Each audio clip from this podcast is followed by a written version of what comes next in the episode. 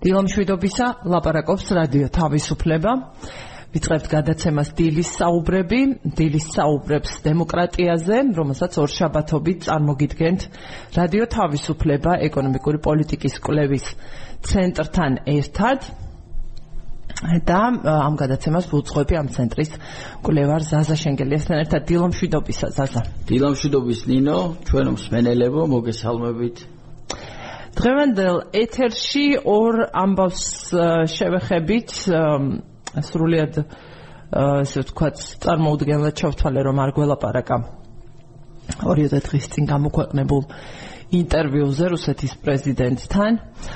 აა ცხადია ეს პირდაპირ თემატურად საუბარს თუ მიყვებით არ ეხებოდა საქართველოს. ერთხელ ახსენა მან საქართველოს ბუქარესტის სამიტის კონტექსტში თუმცა ვთვლი რომ ძალიან ნიშანდობლივი მოვლენა იყო თავისთავად ეს ინტერვიუ ინტერვიუ რომელიც მან მიცა ამერიკის მოქალაქეს არა უბრალოდ მოქალაქეს არამედ პირს რომელიც ძალიან თქვა თავისი შლეიფი ახლავს შლეიფიც არ ქვია ასე ვთქვათ.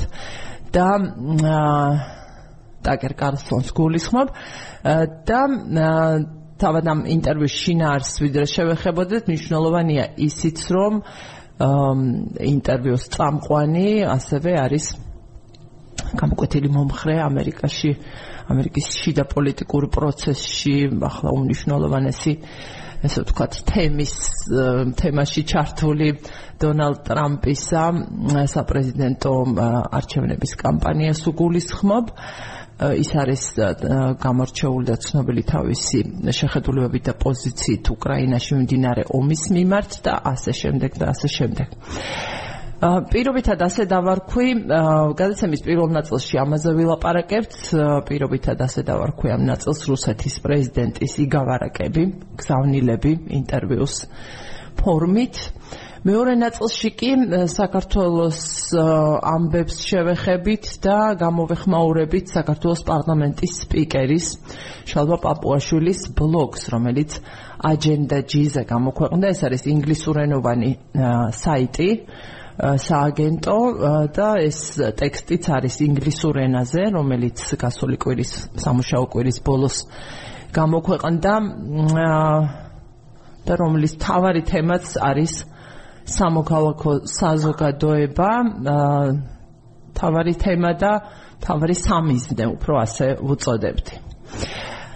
ამ პუტინის ინტერვიუს მივუბრუნდები, თუმცა მანამდე მინდა მსმენელს უთხრა, რომ შეგიძლიათ თქვენც მონაწილეობა ჩვენს ეთერში მოკლე ტექსტური შეტყობინებების გამოგზავნით ნომერზე 595 95 0055-ზე 595900555-ზე და თუ ვინმე ინტერნეტთან ხართ და ინტერნეტში გვისმენთ ახლა, ასევე შეგიძლიათ ჩვენი ამ აუდიო გადაცემის, რადიო გადაცემის მოსმენა რადიო თავისუფლება წერტილი GE-ზე, მარჯვენა ზედა კუთხეში რადიოს დააჭირეთ, ასევე გადაცემის ანონსში ყოველდღიურად თუ პირდაპირ ლინკს რადიო ლაივზე ჩვენს საიტზე და შეგიძლიათ გამოიყენოთ შემოხმიანებისთვის დილის საუბრების Facebook-ის გვერდზე ანონსის ქვეშ არსებული სივრცე. ეს ინტერვიუ ანონსდებოდა და იყო ესეთი მოლოდინი ამ ინტერვიუს მიმართ და ინტერესი და ძალიან ამ ორიოდე დღეში ბევრმა ბევრმა განიხილა გაანალიზა. ეს ინტერვიუ სხვადასხვა კუთხით. იქნებ დაწყებული ისტორიული ფაქტების სიზუსტით სიზუსტიდან დამთავრებული იმით თუ რა რა მდგომარეობაშია პუტინი რას ელოდება ის და რა გზავნილები ჰქონდა მას სოფლიოსთვის მთლიანად ასე ვიტყოდი. რა იყო მიზანი ამ ინტერვიუსი, რომელშიც დიდი ნაწილი როგორც ჩანს ინტერვიუს წამყვანისა და რესპონდენტის ინტერესების ემთხვეოდა. და დავიწყე ამით რა იყო შენთვის ნიშანდობლივი ვიდრე ცალკეულ აქცენტებზე ვიტყოდით კიდევ ერთხელ ვიტყვი თუ მე არ მეშლება ყურადღებით ვუსმინე საქართველოს ერთხელ ახსენა მან ბუქარესტის სამიტის კონტექსტში როცა უკრაინას და საქართველოს ასე ვთქვათ ნატომ კარი გაუღო.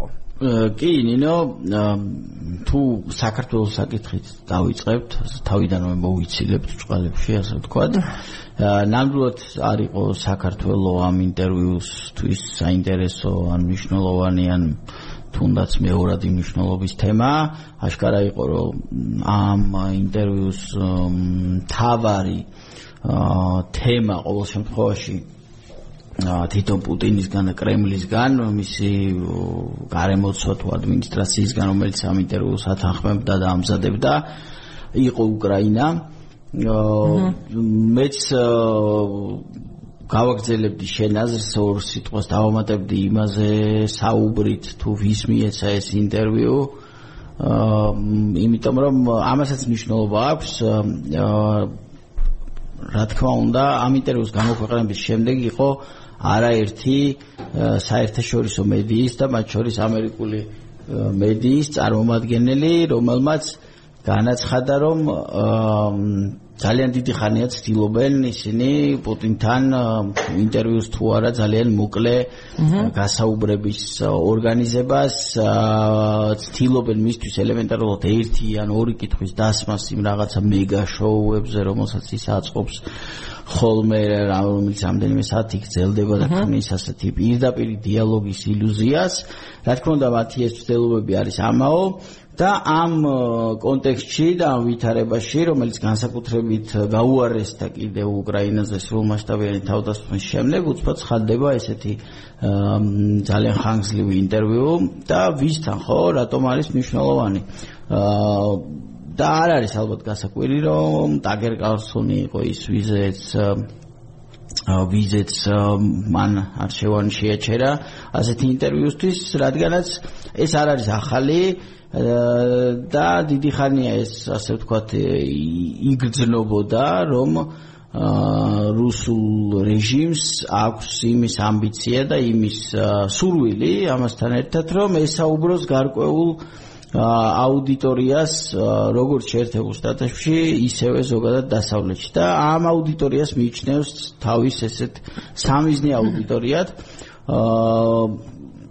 ეს რამდენად გამართლებულია, რამდენად საბუძვლიანია ცალკე თემა, რა თქმა უნდა, მაგრამ ყოველ შემთხვევაში მათი მხრიდან ასეთი ხედვა არსებობს. ამას ემატება ისიც რომ ეს არ ვიცი ყოფილი ჟურნალისტი, ჟურნალისტი თუ აქტივისტი თუ რა ამპლუაშია ეს ადამიანი ზუსტად, მაგრამ ეს ჩვენი მეგობარი ტაკერი ამავე დროს როგორც შენ აღნიშნე არის ძალიან ჭიდროდ დაკავშირებული დონალდ ტრამპის საარჩევნო კამპანიასთან და ზოგადად დონალდ ტრამპის ერთ-ერთი ერთ-ერთი გამორჩეული მხარდამჭერია და ისას მისას გამოშვებას იმ არქიდან ფოქსიდან სადაც ის მუშაობდა რომელიც თავისთავად არქი ძალიან დიდი სიმპათიებით გამოირჩეოდა დონალდ ტრამპის ზოგადად რესპუბლიკელების მიმართ აბრალებდა მათ შორის თავის მხარდაჭერას დონალდ ტრამპისადმი და ის თი ზოგადად ნაცნობია ხო ეს რაღაცა ჩაგრული ჩაგრული ადამიანის ტიპაჟი უნდა რომ ჰქონდეს ყოველ შემთხვევაში და მოკლედ აი ამ კონტექსტში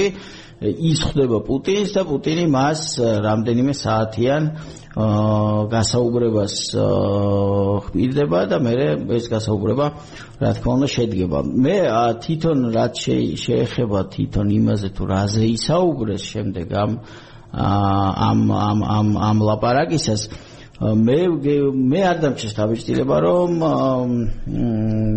მაინც და მაინც ინტერვიუერმა ინტერვიუერი ყოფილი დარჩა ან იმ თემებზე ისაუბრა ან იმ პრიორიტეტებზე ისაუბრა რაზეც თავიდან თავად უნდა და საუბარი მე მქონდა თავისtildeება რომ დაკერ კალსონის მხრიდან იყო უფრო დაინტერესება ყოფილიყო საუბარი ღირებულებებზე ესეთ კონსერვატიულ აა ფასეულობებზე რომ ის მიიჩნევდა რომ მისი აუდიტორია ელოდებოდა ყოველ შემთხვევაში ასეთი ტიპაჟი იხატება სამწუხაროდ პუტინისგან ამ წრეებში რომ პუტინი და მისი რეჟიმი და ზოგადად რუსეთი არის ამ რაღაცა კონსერვატიული ღირებულებების ბოლო დამცველი ბოლო ბასტიონი მსოფლიოში და მოკლედ ეს თუ დაეცა ეს რაღაც გლობალისტები და ლიბერალები და ლიბერასტები თუ რა სიტყვებსაც ეძახიან ამ ხალხს მოკლედ დაიკავებენ თელ სოფლიოს და აღარ იქნება არავინ ვინც მათთვის ძვირფას სამყაროს დაიცავს ხო? არის რა პარადოქსული მაგრამ ასეთი რეპუტაციის შექმნის ცდელობა და ჩემი აზრით იყო მცდელობა რომ მისი მხრიდან ძალიან დაჟინებულიც კი რომ ინტერვიუ ამ კალაპოჩი წარემართა მაგრამ საფინიეროდ სამწუხაროდ მისთვის აა კიდევ ერთხელ გამოავლინა პუტინმა თავი ისე როგორც გამოავლინა და მე ამ ხრივ თუ თავიდან რა არის დასამალი არ მომწონდა რომ ესეთი ესეთი ინტერვიუ იქნებოდა და მიეცემოდა პუტინის რეჟიმს მეტნაკლებად პირდაპირ საუბრის საშუალება დასავლური აუდიტორიის ნაწილთან მაინც. ამ ინტერვიუს მიმდინარეობისას არ მიყურები ეს პირდაპირ ეთერშიან მთლიანად მაგრამ რომ გადავხედე მე ნაწყვეტებს და გადავხედე გამოხმაურებებს, კომენტარებს თავად ამ ინტერვიუში ჩართული ხალხისგან და ასე. შემდეგ მივხვდი რომ მეტი კარგი შეიძლება მოიტანოს ამ ინტერვიუ ამ შემთხვევაში გულისხმობ კარგს რა თქმა უნდა დასავლეთისთვის დემოკრატიის მხარდამჭერი მხარხისთვის და უკრაინის მხარდამჭერი მხარხისთვის. აი რა თვალსაზრისით გეტყვი, როგორც ცნობილი ალბათ ყველამ გავიგეთ უკვე რომ ამ ინტერვიუს დიდი ნაწილი დაეთმო ისტორიას და ისტორიაზე საუბარს. ესეთი თუ კაი ამიტომ რომ თქვა სხვა პროპაგანდისტულ მესიჯებს აღარ დაეთმოდ რომ და მეორე მხრივ კარგია კიდევ ორი მთავარი ჩემი აზრით ყოველ შემთხვევაში მიზეზის გამო. პირველი მიზეზი ეს არის ის გადამეტებული და გაზვიადებული მნიშვნელობა, რომელსაც პუტინი, კრემლი თუ მოსკოვი თუ რუსეთი ალბათ უფრო პუტინი თვითონ და ერთპიროვნული მართლობის პირობებში ეს რა თქმა უნდა გადაეცემა მთლიანად რუსეთის მთავრობის მოქმედებას არის ისტორიციზმისთვის ძალიან გადამეტებული მნიშვნელობის მინიჭება. აა რაც ერთი მხრივ არის ცუდი, იმიტომ რომ ამის მაგალითად მიიღება ისეთი კატასტროფული გადაწყვეტილებები, როგორიც იყო 2022 წლის 24 თებერვალს უკრაინაზე თავდასხმა და ამ ამ ინტერვიუდან უკვე დაარწმუნებით შეიძლება თქვა, რომ ამ ეს ამ თავდასხმის ერთადერთი მიზეზი არის უკრაინის როგორც სახელმწიფოს განადგურება, რასაც პუტინი ხედავს ფართო ისტორიულ ჭრილში, რუსული იმპერიალიზმის ჭრილში. და თქვათ ის უამრავი მიზეზი, რომელზეც მოვისმინეთ, რომელზეც იყო მცდელობა, საუბრის, გამართლების რუსული აგრესიის, სხვადასხვა უკრაინის ქცევით იქნებოდა თუ ეს და დასავლეთით, ამ შემთხვევაში შეიძლება ითქვას თავადვე მან გადაუსვა ხაზი. ანუ ეხლა ცოტა გადაუხვი, ანუ ისტორიის ხო, მუდმივად უსვამდა ხაზ თელს ინტერვიუში კლავ იმ იმას, რომ ერთი ხალხი ვართ, არ არსებობს. კი ბატონო, ერთი ხალხი ვართ. ამას როცა ერთი ეპიზოდი მოიყვანა სხვა შორის ასეთ მოყვა თვითონ, რომ ერთ-ერთ ომის ეპიზოდი, რომ ესე ვთქვათ, გამოუვალ მდგომარეობაში მოიქციეს რუსმა სამხედროებმა უკრაინელი სამხედროებიო და დაგნებდითო თუ გნებოთ სოცხლები დარჩეთ და იქიდან უკრაინის მხრიდან სამხედროებმა დაიყვირეს რუსები არ ნებდებიან. იგი ეს ის საკმაოდ მტკივნეული დარტყმა თვითონაც კი ასე აღიქვამენო. რომლებიც მოხდა მოხდათ მათ ამ ბოლო თითქმის ორი წლის განმავლობაში არაერთხელ მოვისმინოთ არა მარტო პუტინისგან, არამედ რუსის სამხედროებისგან, პროპაგანდისტებისგან და ასე შემდეგ. გამართლება იმით თუ რამდენად ეფექტურ წინააღმდეგობას უწევენ უკრაინელები და რამდენად ძლიერები არიან ისინი, არაერთხელ მოვისმინეთ ეს პროპაგანდისტული მესიჯი, რომ სწორედ იმიტომ უწევენ ესე წინააღმდეგობას და სწორედ იმიტომ ამარცხებენ რუსებს უკრაინელები გარკვეულწილად, იმიტომ რომ ისინიც რუსები არიან, რაც არ უნდა შიზოფრენიული და პარადოქსული მესიჯი იყოს, ასეთი მესიჯი არის და ესეთი მესიჯი აქვს თავად თავად პუტინსაც, ხო? აქ უნდა ითქვას, რომ როცა ასეთი გზავნილი ისმის იმ ქვეყნის მხრიდან, რომელიც ცდილობს უკრაინის დაპყრობას და ყველა საშუალებით მის განადგურებას ეს რა თქმა უნდა ნიშნავს იმას, რომ უკრაინელი ხალხის არსებობა, როგორც დამოუკიდებელი სუვერენული ხალხის არსებობა არ განიხილება კრემლის მხრიდან და კრემლისთვის და რუსეთისთვის უკრაინის ომში გამარჯობა ნიშნავს უკრაინის განადგურებას. ეს ძალიან როგორ თქვა, ძალიან ცუდი მოსასმენია, ძალიან ძიმე მოსასმენია, მაგრამ ძალიან კარგია ეს რომ ითქვა პირდაპირი პირდაპირ პუტინის მიერ, პირდაპირ იმ აუდიტორიის მისამართით, რომელზეც ის რომელსაც ის მიმართავდა, რადგანაც აქაც იყო ბევრი და განსაკუთრებით იმ ხალხის მხრიდან, რომელიც ცდილობს გაამართლოს პუტინის ესეთი საშინელი ქცევა დასავლეთში ძალიან ხშირად გვესმის იმის შესახებ საუბარი რომ ის ამას აკეთებს აი ამ კონსერვატიული ღირებულებების დასაცავად. არ უნდა რომ ესეთი ეს რაღაცა LGBT ქვეყანა ჩამოყალიბდეს უკრაინაში ლიბერალები მასონები და ასე შემდეგ და ებძვის ამ გლობალიზმს ნაცისტები. ნაცისტები და ათასი უბედურება და მოკლედ ამათ ებძვის პუტინი და ამის გამოა ეს. არა პირდაპირ ამ აუდიტორიას აუხსნა დიდ ძალიან დიდი ხნის განმავლობაში რომ ეს არის კლასიკური ფორმით დაპყრობითი ომი რუსეთი არ ცნობს უკრაინას როგორც სახელმწიფოს არ ცნობს როგორც ერს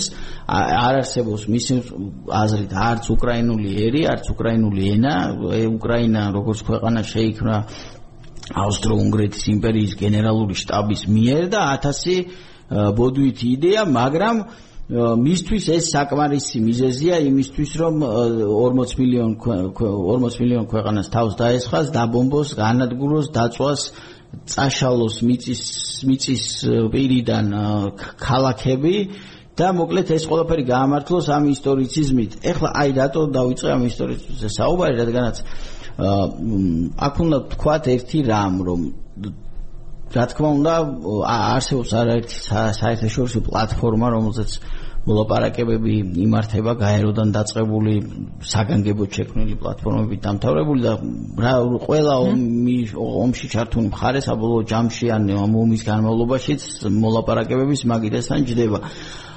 იმ არგუმენტებისგან გამომდინარე რომელიც პუტინმა წარმოადგინა და რა თქმა უნდა რუსეთი მაგიდასთან მაგიდას მოუჯდება ამ არგუმენტებით ხელში პრაქტიკულად აღიარა რუსეთმა რომ ძალიან ძალიან სუსტი პოზიციები აქვს უკრაინის მიმართ უკრაინისგან დათმობების მოთხოვნის საფუძველი რასაც რუსეთი წარმოადგენს არის ძალიან სუსტი რატომ? იმიტომ რომ მიუხედავად იმისა, რას ფიქრობენ კრემლში, დღევანდელ დღეს სოფლიოში ამ ისტორიციზმით გამართლება ტერიტორიული დაპყრობის და ოკუპაციის არის შეიძლება ითქვას შეუძლებელი, რადგანაც პირველი და უპირველესი და ყველაზე მნიშვნელოვანი კრიტერიუმი, რომლითაც განიხილება, თქვათ, შესაძლო ტერიტორიული ცვლილება, საზღვრის გადაწევა, გადმოწევა და ასე შემდეგ, ეს არის საერთაშორისო სამართალი და თუ საერთაშორისო სამართლის ნორმები ირღვევა, აი ეს რაღაცნაირი ძველმოდური იმპერიული თუ გნებავთ აი რაღაცა კაგებეშნიკური მეთოდი აა რაღაც მეტნაკლებად ფსევდო ისტორიული ფაქტებით ან პაპკით გამოცხადება და თქვა რომ იცით რა ამ პაპაში ისეთი რაღაცები დევს რომ საქაღალდეში ამ საქაღალდეში ესე გინდოდა გეთქვა რუსულად. კი საქაღალდეში ისეთი რაღაცები დევს რომლებიც რაღაც ნათელს მოხფენს ამ ყველაფერს და თქვენ მიხვდებით რატომ უნდა დამithმოს ახლა მე მეზობელმა სახელმწიფომ ხუთი რეგიონი. არ არსებობს ისეთი ისტორიული ფაქტი ანუ უბრალოდ არ არსებობს არ შეიძლება არსებობდეს. 91 წლის შემდეგ რაც დაფიქსირდა უკრაინის საქართველოს და ასე შემდეგ საზღვრები არ არსებობს ისეთი ისტორიული ფაქტი, თუ ეს ნებაყოფლობით არ ხდება, რა თქმა უნდა, რომ ორ ქვეყანას შორის დაირღვეს საზღვარი და ერთმა ქვეყანამ მეორე ქვეყნის ტერიტორია დაიპყროს და ეს ყველაფერი პოსტფაქტუმ გაამართლოს რაღაც ახალი ისტორიულ თუნდაც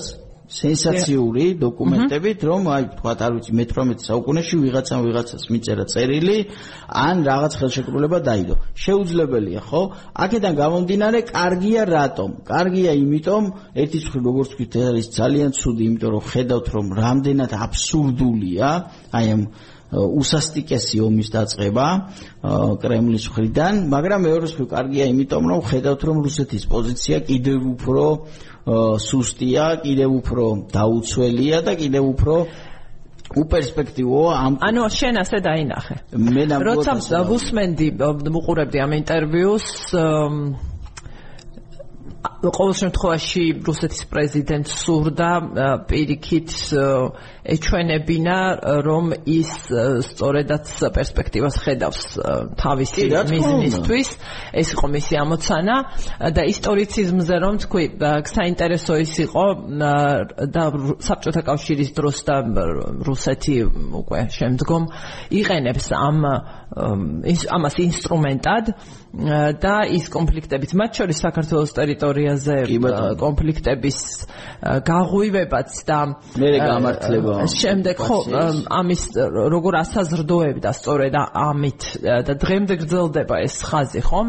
ამ საქართველოს რომ ის ის მესიჯები რომლებსაც ჩვენ ვისმენთ უკვე აწლეულები ახლა ამას ისმენს უკვე დასავლეთი და იქ ინტერვიუში ახსენა ეს ესეც ჩააგდო უწინაც უთქვამს ალბათ მაგრამ აქ ახსენა რომ უკრაინის მიმართ ასე გამოვიდა მოკლედ პრეტენზიები უნგრეთსა და პოლონეთსაც ანუ ამ ისტორიას რომ მოხვა მათაც კი ანუ მარტო ჩვენ არ ვართო რომელსაც რაღაც კითხვები უკმაყოფილება და გაიხსენა რაღაც თავის მოგზაურობა ახალგაზრდობაში და უკრაინის დასავლეთში სადაც უნგრელებს გადააწყდას რაღაც 60 აღწერა და ასე შემდეგ.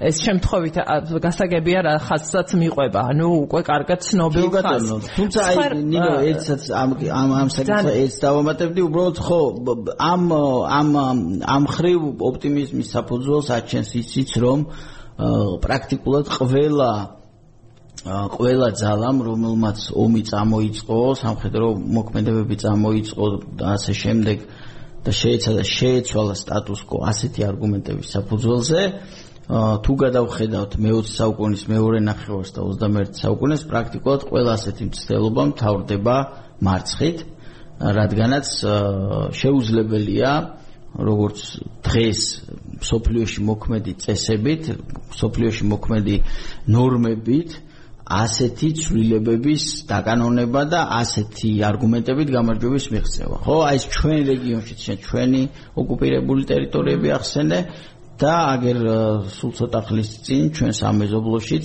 შეიცვალა ის სტატუს-კვო, რომელიც 10 წლეულების განმავლობაში არსებობდა და მიუხედავად თქვათ, ბევრი ისეთი წინაპირობისა, რომელიც შეიძლებოდა გვეფიქრა, ხანგრძლივობა ჩართული ძალების თქვათ სხვადასხვა ნიშან-თვისებები და ასე შემდეგ მიუხედავად ამისა ეს ეს ეს კონფლიქტი საბოლოო ჯამში გადაწყდა ისე როგორც ანუ არსებული სიტუაცია მაინც ბოლოს მივიდა საერთაშორისო ნორმებთან თავსებადობაში. ხო, იქ ბევრი ნიუანსია ცხადია, უბრალოდ დღეს ხო ჩვენ ამაზე ამას ვერ მივუბრუნდებით და მსმენელი ვიქტორ ზატომ არ უნდა მისცემოდა ინტერვიუს მიცემის საშუალება პუტინს, როგორი ლიბერალები ხართ, აბა მარტო თქვენს დეзинფორმაციას უნდა ავრცელებდეთო. ხო, შეფასებით ნაწილზე რა ვიცი, რა გითხრათ, როგორ სამეფამდე არ არ გვითხოვს ამ ეთერში რომ არ უნდა მე გამიხარდებოდა აქვე ვიტყვი რომ ის არაერთი რა ვიცი მე მგონი 10-15 ჟურნალისტმა დაწერა ამერიკელმა არა ამერიკელმა რომ ინტერვიუს ითხოვს პუტინთან. მე ძალიან გამიხარდებოდა რომ ყველა მათ ყველა მათგანისთვის მიეცა პუტინს ინტერვიუ იმიტომ რომ გარდა იმისა რაც წარმოაჩინა მან ამ ინტერვიუში ჭალებში ნამდვილი ჟურნალისტები მას უკვე სხვა კითხვებსაც დაუსმევდა დაუსმევდნენ და ჩვენ მოვისმენდით ვერ მოვისმენდით პასუხებზე სხვა არის მაგრამ ის უპასუხოდ დატოვებული კითხვა საინტერესო იქნებოდა უამრავია ხო ასეთი საკითხი? სხვათა შორის ხო ეს რა თქმა უნდა და იმ ყველა კითხვას უპასუხოდ დატოვებდა დარწმუნებული ვარ რომ ყოფილიყო ასეთი კომუნიკაცია. ხო მოკლედ მსმენელი რაღაც ასე შემდეგ რუპორებს და ასე შემდეგ გვიწოდებს. დასავლეთი თვით თვით არის არესტოვიჩმა აღიარა ჩვენს ფესებს უღალატეთ არასწორი ფსონი დავდეთ დასავლეთზე რომელიც მომზადებელი აღმოჩნდა ამ ომისთვისო და შენ სამაგიდო ციგნად ყავდათო არესტოვიჩი არასდროს არა არავინ. ამ ეთერში სამაგიდო არ ყოფილა. ესე თქვას თვით არესტოვიჩმა თვით არესტოვიჩმა არა ირონია არის ვითომ ჩვენს მიმართ მაგრამ გონი სხვაგან წერთ არ ვიცი. არა ეს ხო წასასაცილო სხვა მსმენელებს ხო სხვა მსმენელებს გეტყვით შეგიძლიათ შემოგვეხმიანოთ ნომერზე 5 9595005505-ზე 595950055 5-5-ზე რა იყო ნიშანდობლივი აქ რომ ამ ხელა საუბრის განმავლობაში პრაქტიკულად არ ყოფილა ნახსენები ის მსხვერპლი რომელსაც ეს ომი იწვევს ორივე ქვეყნისთვის. არც ერთი მხარისთვის ეს არ იყო მნიშვნელოვანი საკითხი. სათანადოდ მნიშვნელოვანი რომ ეს ეხსენებინათ შედეგი ამ ომის დღეს რაც არის. გნებავთ ერთი გნებავთ მეორე ქვეყნისთვის მსხვერპლის რაოდენობას გულისხმობს. სხვა საქმეა რომ ერთი ქვეყანა თავდამსხმელია და აგრესორი და მეორე თავს იცავს. მაგრამ რომელიღაცას უნდა რა ერთიან მეორე რა მსხვერპლი და ეს ამხელა დაღურილი სისხლი რა და გრძელდება ეს სისხლის ღრა აბსოლუტურად არ აქტუალურად ჩათვალეს. ერთი რაც იყო უკმაყოფილო დარჩაო ბრძანე ინტერვიუს წამყვანი უკმაყოფილო დარჩა იმით რომ მისთვის ეს ინტერვიუ და ცხადად ჩანდა მისი მცდელობა გამიზნული იყო შეერთებული შტატების შიდა აუდიტორიისთვის პირველ რიგში. და შიდა აუდიტორიისთვის და დონალდ ტრამპის საარჩევნო კამპანიის კონტექსტში რადგანაც ეს ძალიან დიდ კავშირშია პირდაპირ ვიტყვი დონალდ ტრამპის კამპანიასთან რადგანაც რუსეთის საკითხი და უკრაინის ომის საკითხი მის კამპანიაში არის ის საკითხი რომლითაც დონალდ ტრამპი ცდილობს თავისი განსხვავებულობის დანახებას ამერიკელი არჩევნები ის რომ მას შეუძლია მშვიდობის ის რომ ეთის რომ მას შეუძლია მშვიდობის დამყარება როგორც თვითონ ამბობს 24 საათში და ის რომ ისე არ არის როგორც ის ის ერთ-ერთი სამიზნე არის მედია რა თქმა უნდა და ის რომ ეს მედია და პოლიტიკური ისტაბლიშმენტი ამერიკელ რიგით ამერიკელებს ატყუებს და სინამდვილეში საქმე ისიც არ არის როგორც ამბობენ და ეს ინტერვიუ იყო ამის დემონსტრაციის ცდელობა და ამ ხრივ ვამბობ რომ არ იყო წარმატება ჭყალებში პუტინისთვის პირველ რიგში თვითონ რომ თulides რომ წარმატება იყო იმიტომ რომ მან ეს ჩააგდო.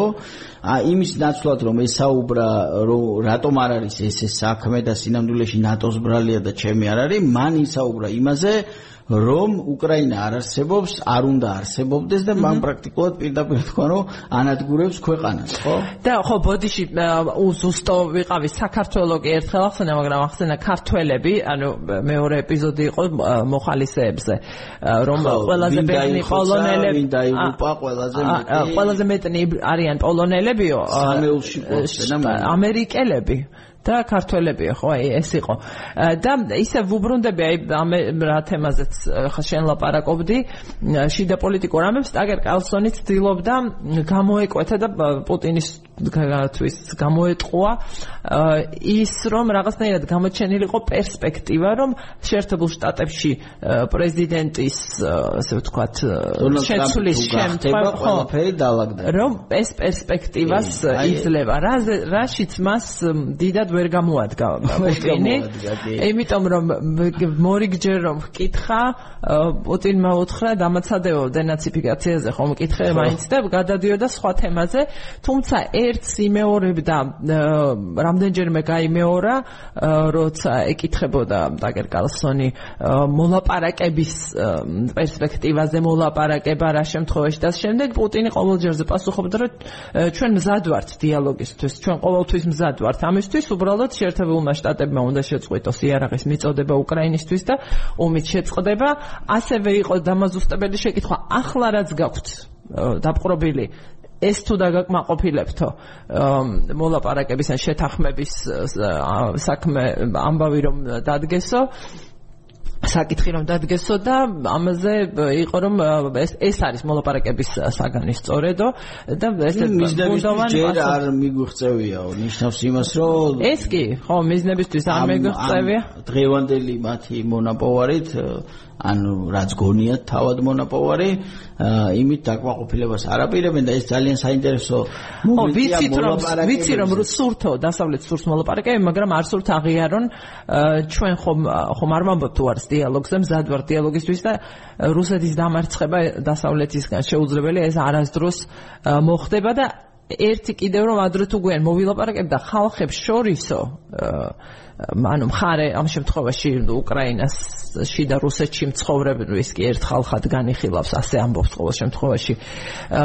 აღდგება ურთიერთობაო რამდენადაც ეს დღეს თულად უნდა ჩანდეს. ძალიან ძალიან ისეთ სურათში ცხოვრობს. ჰიტლერის ის აი ეს კიდევ ეს თემა რომ აიძულეს ჰიტლერი აიძულა პოლონეთმა რომ ომი დაეწყო. ხო გეუნევ ნინო მე ძალიან პარალელი გამოუვიდა თავისთან. მე გამიხარდა ამ ინტერვიუში და თავად ამ ინტერვიუში. ალბათ ეს ერთ-ერთიც, იმიტომ რომ ადამიანი რომელიც ასეთ რაღაცას ამბობს დღეს აა ფაქტია რომ მას ვერ ექნება პრეტენზია აზრიან დიალოგზე და ვთქვათ იგივე ხო ვიცით თუნდაც რაც არ უნდა სამწუხარო პარადოქსული იყოს პოლონეთში არსებობს გარკვეული ძალები რომლებიც ვთქვათ უკრაინის წინააღმდეგარიან განწყობილები და რაღაცა რუსული პროპაგანდისტებსადმი ღიაობით გამოირჩევენ ამ ასეთი აა გზავნილებით პუტინი პრაქტიკულად კლავს ნებისმიერ პერსპექტივას, ხო, ასეთი ძალებისთვის იქნება ეს პოლონეთის სხვა ევროპულ ქვეყნებში. არა, რატომ? იმიტომ რომ დღეს პრაქტიკულად ჰიტლერის დაცვა ევროპის კონტინენტზე არის მარგინალიზაციის ყველაზე მოკლე გზა. ის ნებისმიერი ადამიანი რომელიც ახლა თავს მიიჩნევს თქვა პუტინის გულწრფელ თუ არაგულწრფელ მხარდამჭერად ნებისმიერ ადამიანს მithumetes ამ პოლიტიკოს რომელსაც პასუხი მოეთხოვება ან ჟურნალისტს ან ასე შემდეგ და ასე შემდეგ ძალიან მარტივი კითხვას ძალიან მარტივი კითხვას დაუსვავენ თუნდაც ამ ამ საკითხზე და ძალიან რთულია ხო? დაცვა ამ პოზიციის იმიტომ ძალიან მარგინალური რაღაცა ვიწრო და ექსპერტული ამ ფსევდო ექსპერტული რაღაც ვიწრო დიალოგების გარდა ასეთ საკითხი არსად არ დგას და ვერც იდგება ეს არის დახურული, გადაწყვეტილი, შესწავლილი, გამოკვლეული კონსენსუსი არსებობს იმ საკითხზე რომ სხვა ყველაფერთან ერთად იმაზეც რომ ჰიტლერმა დაიწყო ეს კამპანია სამხედრო და დაპყრობის და ომის გაცილებით ადრე ვიდრე დაესხა პოლონეთს თავს და ეს პოლონეთის თავდასხმა იყო ეტაპი, იმიტომ რომ აქვე ორი სიტყვით რო გავიცანთ, ყოველ ჯერზე მაშინ რო გადავხედოთ 30-იანი წლების ბოლოს პრესას, დოკუმენტებს, მიმოწერებს და ასე შემდეგ, ყველგან ჩანს სამწუხაროდ დაახლოებით იგივე სიტუაცია, სადაც ყოველი ახალი დაპყრობა და თავდასხმა ჰიტლერის განიხილება როგორც აი ეს არის ბოლო, ეს არ გაგრძელდება, ეს არის ბოლო და თავად მაშინდელი ნაცისტური გერმანია ახსენებდა რომ ეხლა ჩეხოსლოვაკიას დავიპყრობთ, გავჩერდებით, მე პოლონეთს დავიპყრობ, გავჩერდებით და ბოლოს დამთავრდა ეს როგორც დამთავრდა. ხო, სანამ ჩვენ პაუზა გავაკეთეთ, რეკლამა დაიწყო რადიო პალიტრის ეთერში და და რა მალე დავბრუნდებით იმედია და უმნიშვნელოვანესი კიდევ ერთი მომენტი, უმნიშვნელოვანესი რა კაცმა რომ თქვა არც მანამდე აღიარებდა და უწოდებს ის ომს და ომის დაწყებას იმას რაც გააკეთა კრამსკულის ხმო და პუტინს რაც გააკეთა 2022 წლის 24 თებერვალს. მაგრამ აქ ფორმულირება კიდევ უფრო კიდევ უფრო ესე ვთქვათ შესანიშნავი იყო რომ ამას უწინას ამობდა რომ ომი უკრაინამ დაიწყო 2014 წელს და რომ ის რაც 2022 წლის 24 თებერვალს მოხდა ეს იყო რუსეთის მცდელობა ომის შეჩერებისა ომის პრიკრეტის შეწყვეტისა სრულმასშტაბიანი შეჭრა უკრაინის ტერიტორიაზე იყო კრემლის მხრიდან ომის შეწყვეტის მცდელობა თურმე. კი, ძალიან ძალიან პარადოქსულ სამყაროში არსებობს ეს ადამიანი, მაგრამ იმ რაღაცა მისი მართლობის, მისი რეჟიმის თავისებურებიდან გამომდინარე ფაქტია, რომ მინიმუმ რამდენი წელია მას არავინ არაფერს არ უსწორებს, არავინ არაფერს არ უზუსტებს, არავინ არაფერს არ აა უკონკრეტებს, უხსნის, იმიტომ რომ ძალიან შორს არის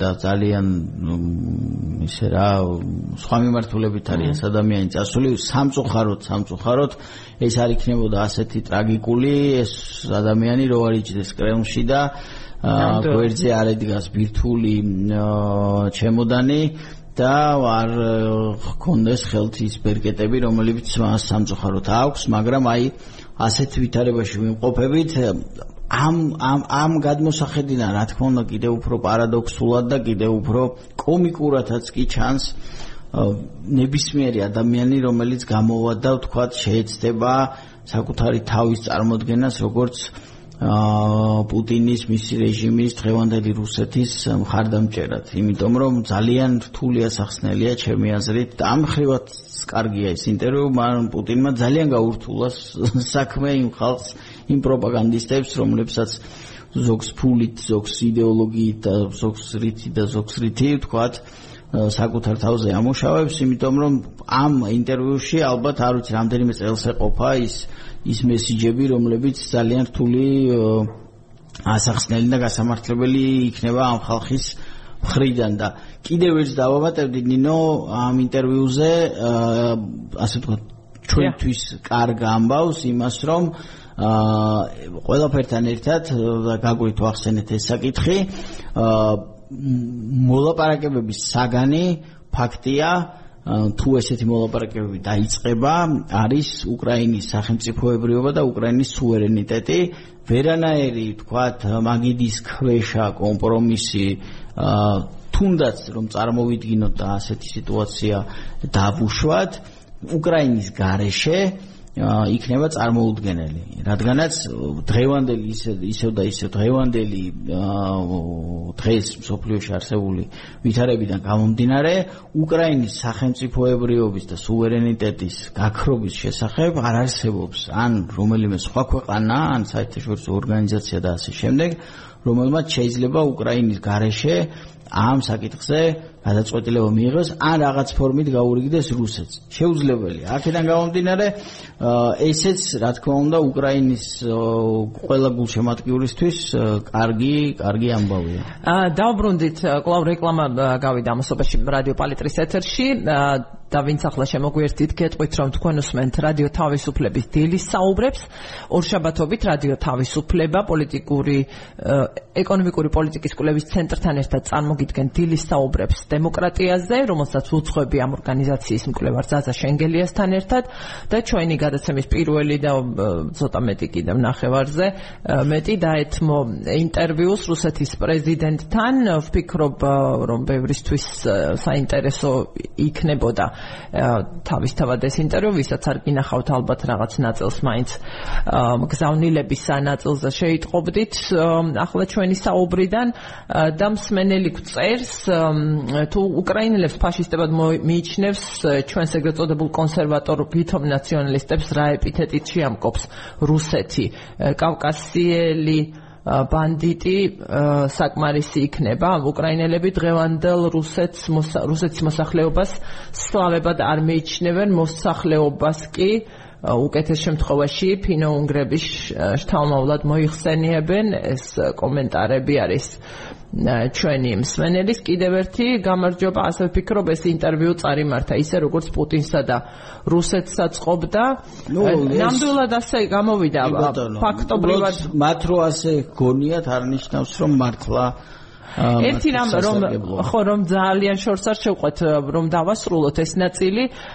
ნამდვილად ვერ უკმაყოფილებას მივუბრუნდები ისევ ინტერვიუს წამყვანისა ვერ მიიღო მანის ცდილობდა გამოკვეთას იქ ერთი შეკითხვაც იყო აი რა მოახდინა პროვოცირება რომ მაინცა და მაინც 22 წლის 24 თებერვალს აი ბაიდენმა რომ იქ განაცხადა უკრაინის ხარდამჭერი რაღაც ეგ ნატოში შესვლაზე ის ხომ არ იყო მაპროვოცირებელი და აი ამის გამოკვეთა ის რა ჩიდა პოლიტიკური ესე ვთქვათ კამპანიის საკვებად დასამატებლად ჭირდებოდა არ გამოუვიდა ფაქტია რაღაც ასე მოხდა. მე რატომ არ ვიცი რა წინასწარი მოლაპარაკება ჰქონდათ მაგრამ ასე კი იყო და იქ ერთი კითებ კიევიდან უკან დახევაზე ესო პარტნიორებმა გვითხრესო პუტინმა რომ ლულა შუბზე ლულა მიბჯენი დიალოგისთვის რომ სულ მზად ვართო ამის საჩვენებლად. ეხა უფრო შორეულ ისტორიაზე რაღა უნდა და იმ სიზუსტეზე რაღა უნდა ვიფიქროთ როცა აგერა ახლანდელ ამბებზე ასეთი ინტერპრეტაცია იყო მისი რომ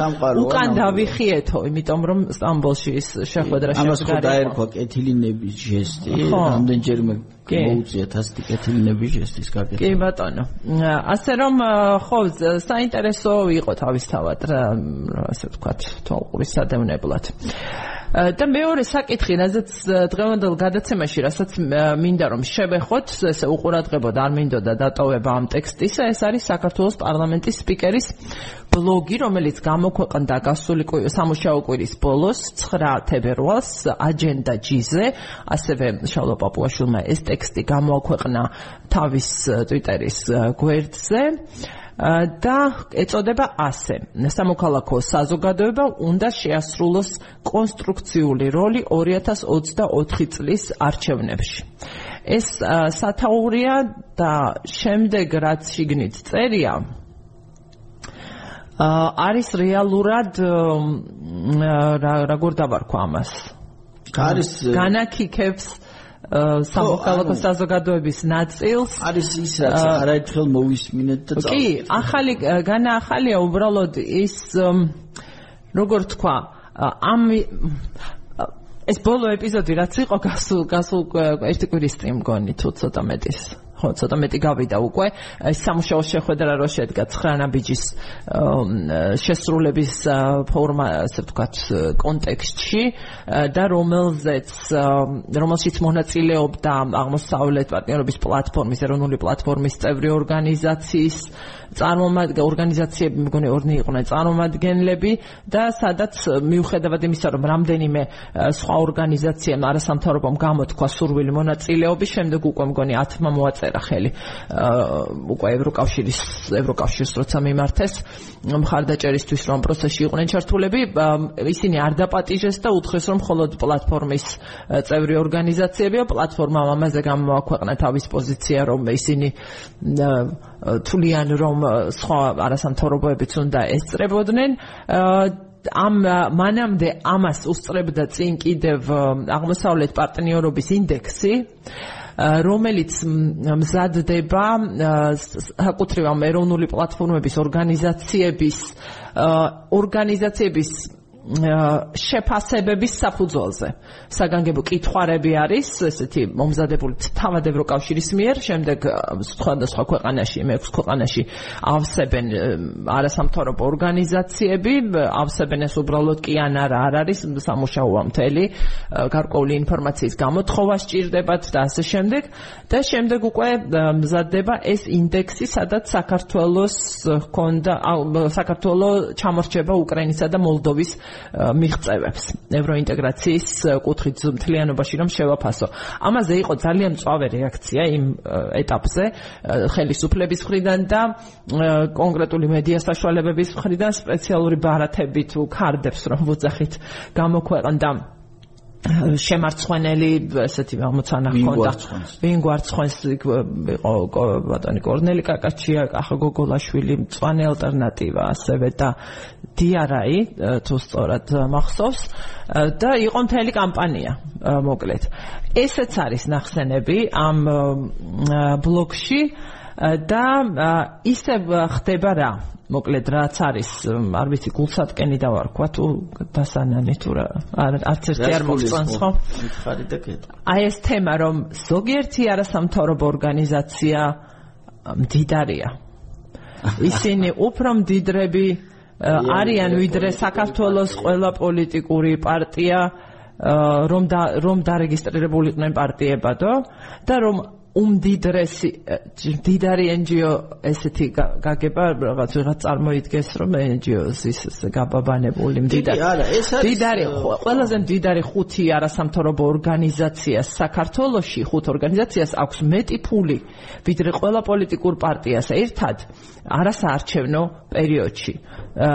და უდიდესი ნაწილი და ფინანსების მოდის უცხოური წყაროებიდან. შეკითხვა არის რატომ ეს ციტატა იყო უკაცრავად ესე თვითონ გამოკვეთილი ინტონაცია ძალიან საინტერესოა ძალიან საინტერესოა პირველ რიგში ვიტყოდი ძალიან საინტერესოა არასამთავრობო ორგანიზაციების და პოლიტიკური პარტიების ერთმანეთთან შედარება და გარკვეული შეჯიბრებითობის გამოვლენა მათ შორის. ხო აი რისი თქმა უნდა ადამიანს რომელიც ამბობს რომ არასამთავრობო ორგანიზაციები არის თუ არა ესე ეს ცალკე საკითხია მაგრამ აი რისი თქმა შეიძლება იმით რომ არიან არასამთავრობო ორგანიზაციები რომლებიც პოლიტიკურ პარტიებზე უფრო მდიდრები არიან ახლა ეს უნდა დავაზუსტოთ მე მგონი.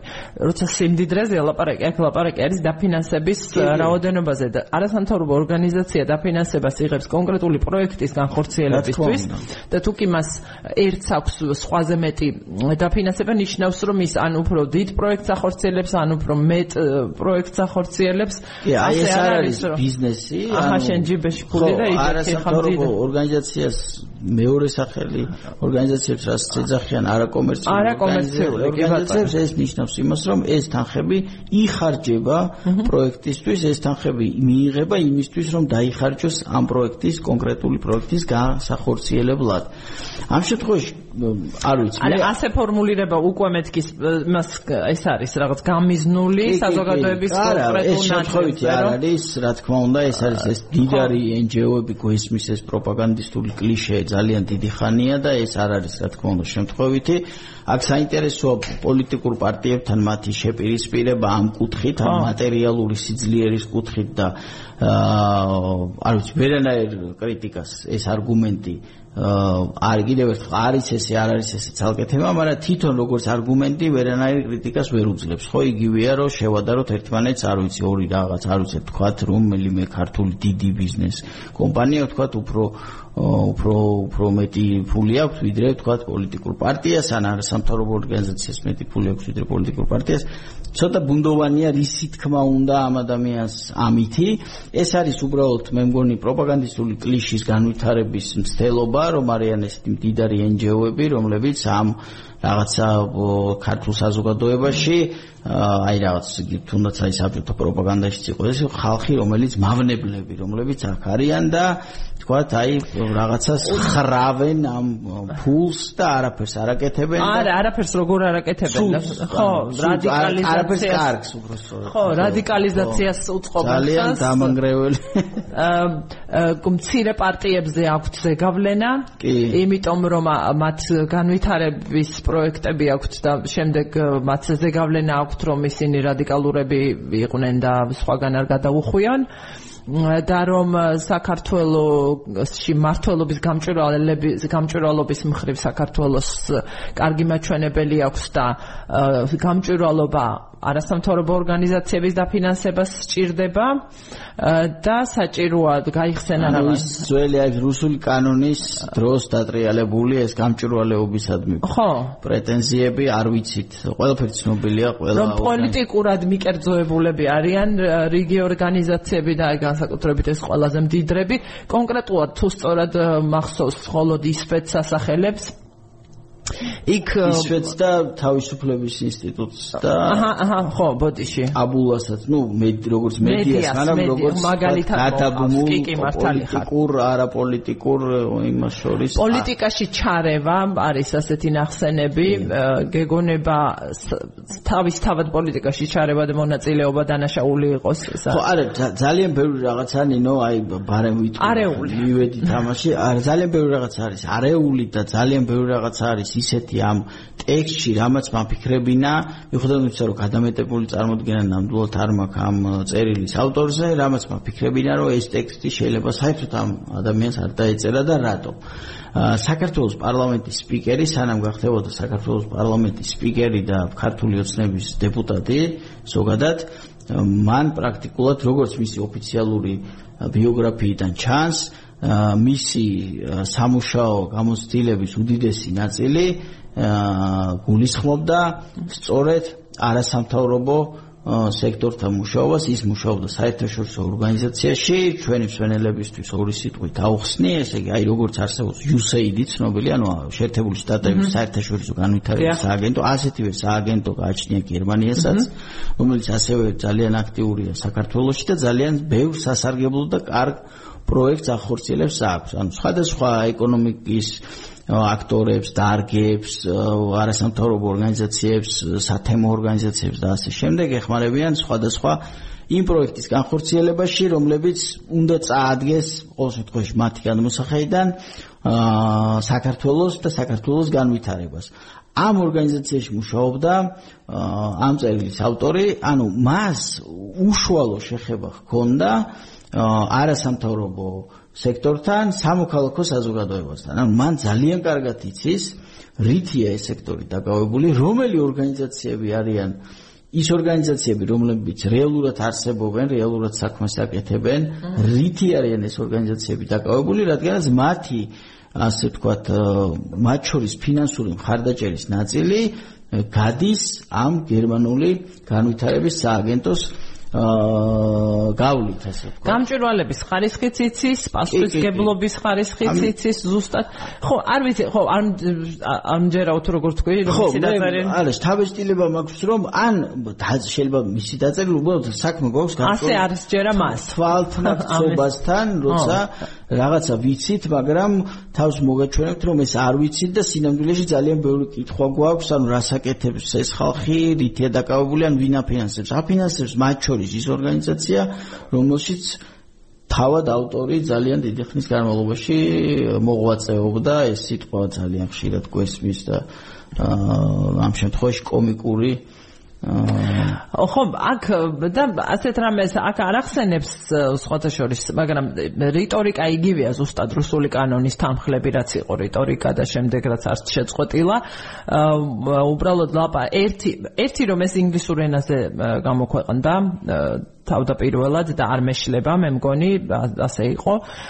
ინგლისურად გავცელდა 9-ში და საკუთრივ აჯენდა G არის ინგლისურენოვანი საიტი და მისთვის ამ ამ საიტისთვის დაწერილი სად გამოქვეყნა და სისუსტის მაჩვენებელი რა თქმა უნდა იმიტომ რომ აჯენდა G არის მისთვის ამ საიტისთვის დაწერილი ტექსტი ანუ ამის ხაზგასმა მინდა დია იცი რა 4 წუთი დაგვრჩა არ ვიცი ხო მას და ვისაც უნდა და ყოველ შემთხვევაში ამ ტექსტის გამოქვეყნება მოდი ასე ვთქვა ძალიან გაუხერდებოდა ეს ტექსტი და დარწმუნებული ვარ იყო შეთავაზება არაერთი ქართული მაგრამ ინგლისურენოვანი მედიისთვის რომ ესეთი ოპედი გამოექვეყნებინათ. ხო ხო იმიტომ რომ იყო წარსულში აი civil g-ზე რამდენჯერმე ყოველ შემთხვევაში ერთი ორჯერ გამოაქვეყნა მოკლედ ქართული ოცნების წარმომადგენლებმა ოპედი რაღაც მომენტში დაიწყეს ინგლისურენოვანი ოპედების გამოქვეყნება და ასეთი ოპედები მე მახსოვს რომ ინახავს მაგალითად civil g-ზე და ისა იყო წინა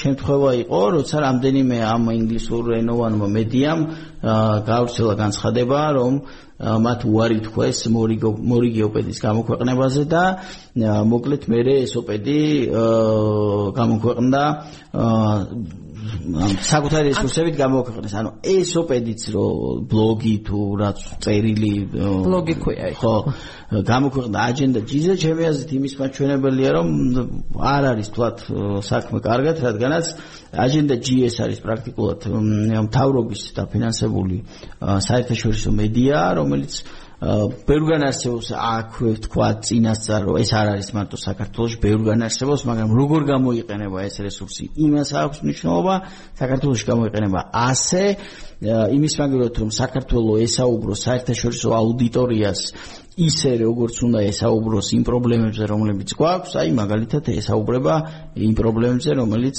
რომელსაც ისმის. ნიშნულოვანი აქ არის ის, რატომაც კიდევ ინგლისურად არის ამის ახსნა ისიც არის, რომ ეს არის გზავნილი დონორებისთვის და პარტნიორი ქვეყნებისთვის.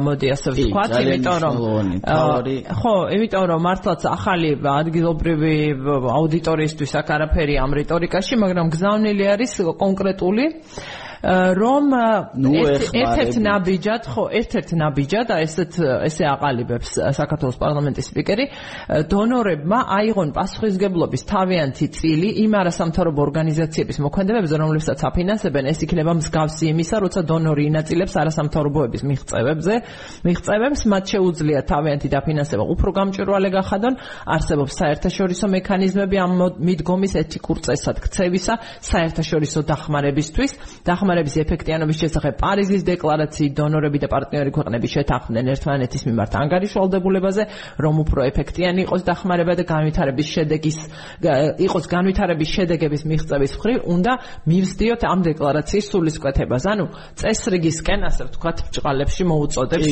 პარტნიორებს და ამას ხო ამ შეიძლება მოგვიწიოს ამ თემასთან დაბრუნება ჩვენ გარკვეულ პერიოდში, გარკვეული ხნის შემდეგ ამას კონდეს თავისი ეფექტი, თუ ნახევარი წუთი დაგვრჩა ზაზა და უნდა დავასრულოთ. ხო ნინო მეც გონია რომ სავარაუდოდ მოგვიწევს ამ და სხვა იმ თემებთან დაბრუნება რომლებზეც წინა სეზონშიც ასე ვთქვა ჩვენს წინა სეზონში სეზონს უწოდებ პაუზის წინა გადაცემების ციკლს ჩვენსას რადგანაც ეს პროცესები გრძელდება მათ შორის გრძელდება ეს პროცესის პროცესიც ანუ ქართულ დემოკრატიაში გარკვეული ცვლილებების შეტანის ცდელობა არადემოკრატიული ცვლილებების შეტანის ცდელობა მოდი ასე დავარქვათ რადგანაც ჩვენ მაინც ეს გადაცემა დემოკრატიაზე საუბარი დემოკრატიაზე საუბარი დავარქვით და ეს წერილიც ასახავს ერთ-ერთი ასეთი არადემოკრატიული ცვლილების შეტანას ანუ გარკვეული ზემოქმედების მცდელობა რომ აი ამ ფინანსურ მხარდაჭერას ჩაეხსნას ის ორგანიზაციები რომლებიც სხვადასხვა სფეროში სხვადასხვა ძალიან ბევრ სასარგებლო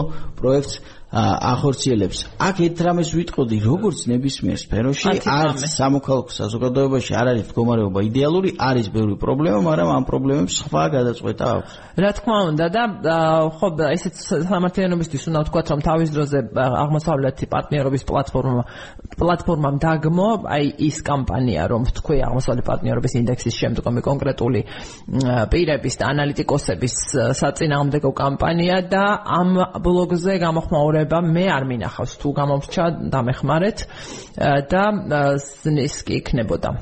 საგულისხმო კი იქნებოდა და საყურადღებო რადგან ძალიან მნიშვნელოვანი გზავნილები აქვს და საკმაოდ დამაფიქრებელი სწორედ დემოკრატიის კუთხით არჩევნების წინ. ძალიან დიდი მადლობა. მადლობა პირიქით ძალიან ზაზა შენგელია. ეკონომიკური პოლიტიკის კვლევის ცენტრის მკვლევარი და მე ნინო გელაშვილი რადიო თავისუფლების ჟურნალისტი ვუძღვებოდით რადიო თავისუფლების დილის საუბრებს დემოკრატიაზე. დროებით it